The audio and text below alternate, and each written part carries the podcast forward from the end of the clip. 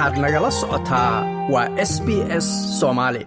Bilaha soo socda guri walba oo ku yaalla dalkan austreeliya waxaa boostada ugu imanaya laba qoraal oo sharaxaya kaysaska aftida codka baarlamaanka ee dadka indigeneska ee dalkan austreeliya guddiga doorashada ee austreeliya ayaa diri doona ayaa layidhi laba iyo toban milyan oo qoraallo buug yar ah oo qeexaya doodaha haa iyo kuwa maya ee ama taageersan ama ka soo horjeeda aftida qoraalka ayaa sidoo kale waxaa lagu turjumayaa konton iyo shan luuqadood laakiin xaqiiqda ama runka sheegidda macluumaadka ku qoran ayaan la hubin.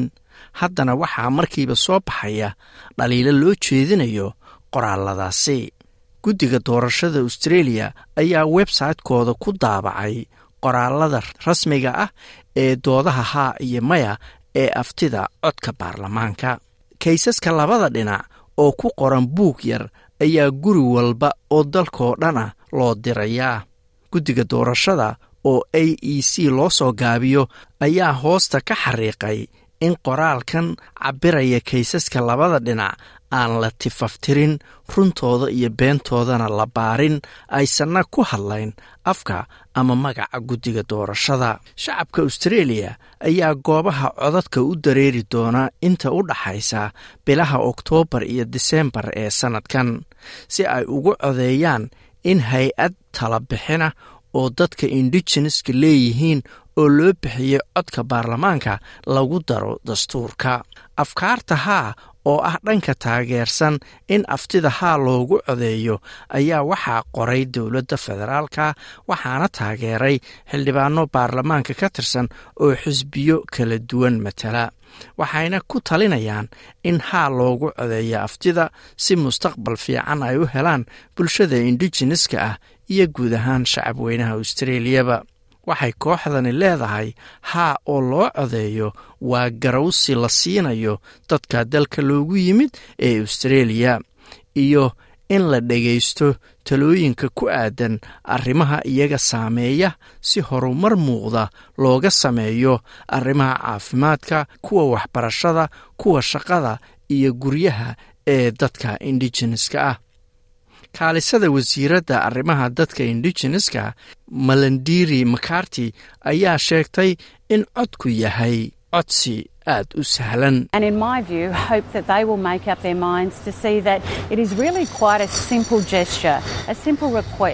Aragtidayda waxaan rajaynayaa inay go'aan ku gaaraan oo ay arkaan intani tahay fariin sahlan.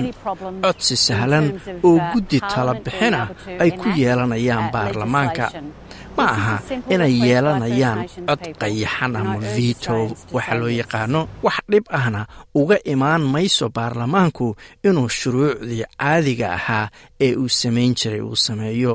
Tani waa codsi sahlan oo ay dadka dalka loogu yimid codsanayaan waxaana ku boorinayaa shacabka australia inay haa u codeeyaan ayay tiri. Qoraalka lagu taageero haa ayaa waxaa sidoo kale ku jira xubno indigenesa oo isboortiga caan ku ah oo ay ka mid yihiin jonathan thurston edi bets evon gulango cowley qoraalka lagu taageeraya maya oo ay qoreen xubno ka tirsan isbahaysiga ayaa isaguna ku boorinaya dadka in haddii aysan waxba ka fahmin codkan ay maya ugu codeeyaan.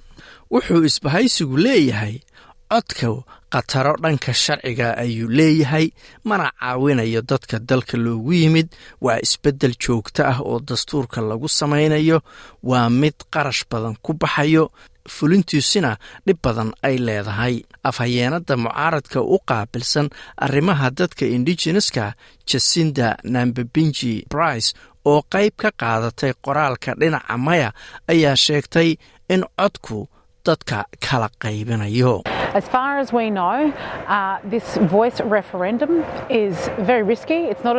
intaan ka ognahay aftida codku waa mid khatar badan. ma aha hindiso suuban waa mid isbeddel ku samaynaysa dastuurka wax badan lagama yaqaan.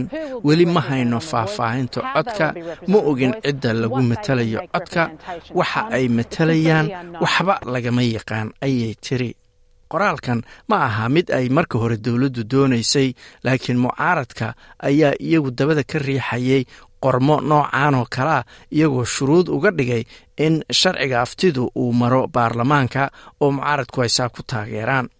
Cod aruurin la sameeyey ayaa muujinaysaa in taageerada loo haya aftida uu hoos aad ugu dhacay. Hadda toddobaadkan cod aruurin dalka oo dhan laga sameeyey ayaa muujinaysaa in taageeradu hoos u dhacday oo gaartay afartan iyo kow boqolkiiba oo keliya. Laakiin cod aruurino kale ayaa diiwaan gelinaya natiijo taas ka sarraysa. Ra'iisul wasaare antony albanisi ayaa sky news u sheegay in ololaha haa uu shaqo ka fiican tan hadda qaban karay qoraalka haana uu ka caawinayo in dadku fahmaan hindisaha isbeddelkan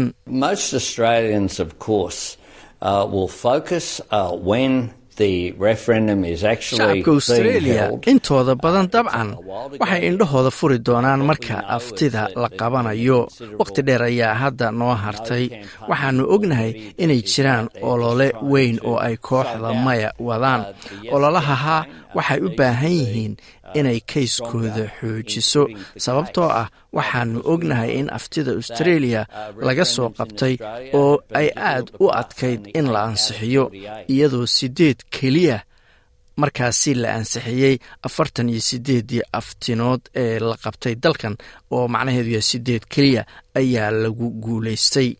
Siihayaha hogaamiyaha mucaaradka susan lee ayaa sheegtay in ra'iisul wasaaruhu uu ku guul daraystay inuu faahfaahin ku filan ka bixiyo codka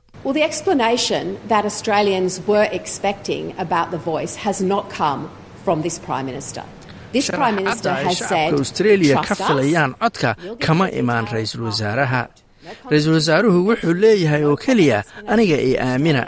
Faahfaahinta aftida kadib ayaan bixinayaa.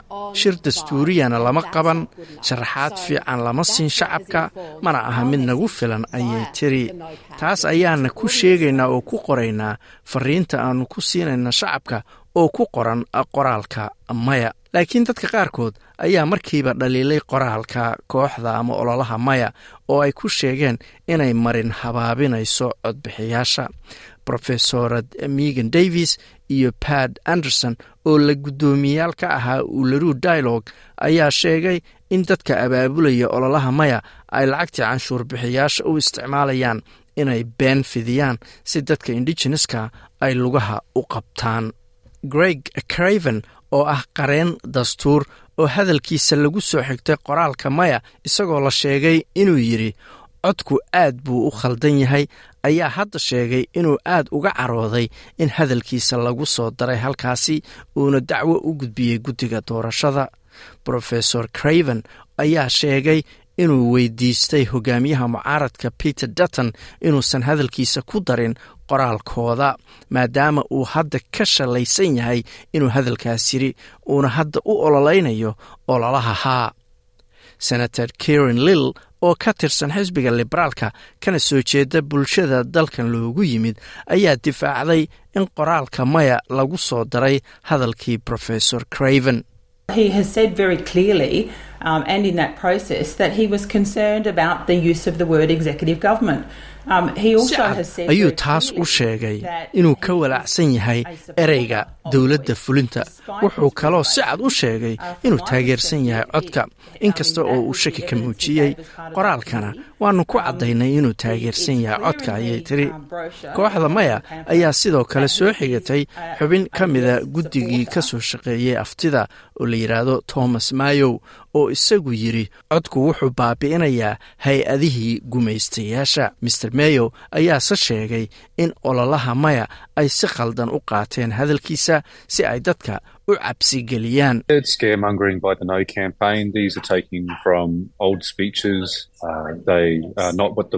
waa cabsigelin ay wadaan ololaha maya.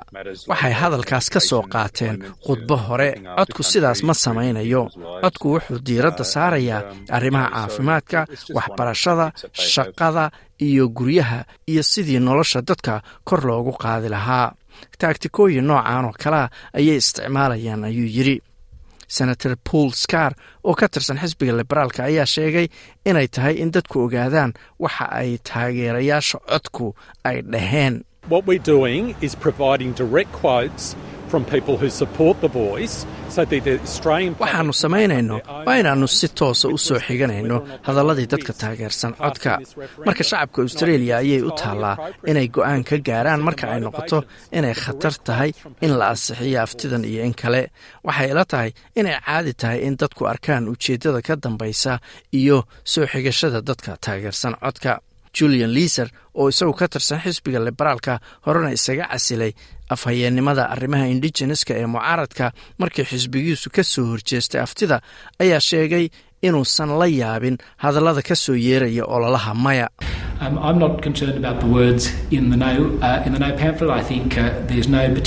waxba anigu walaac kama qabo ereyada lagu qoray qoraalka ololaha maya. ilama aha in dood lala yaabo ay ku jirto. Waxay ila tahay in muhiimaddu tahay inaannu dadka hor tagno oo u sharaxno sababta ay u fiican tahay in isbeddelkan la sameeyo. Iyo sababta ay isbeddelkan uga faa'iidayaan shacabka aboriginaalka iyo torres straight islandarka ma doonaysaa sheekooyinkan oo kale ka dhegayso apple podcast google podcast spotify ama meel kasta oo aad bodkastigaaga ka hesho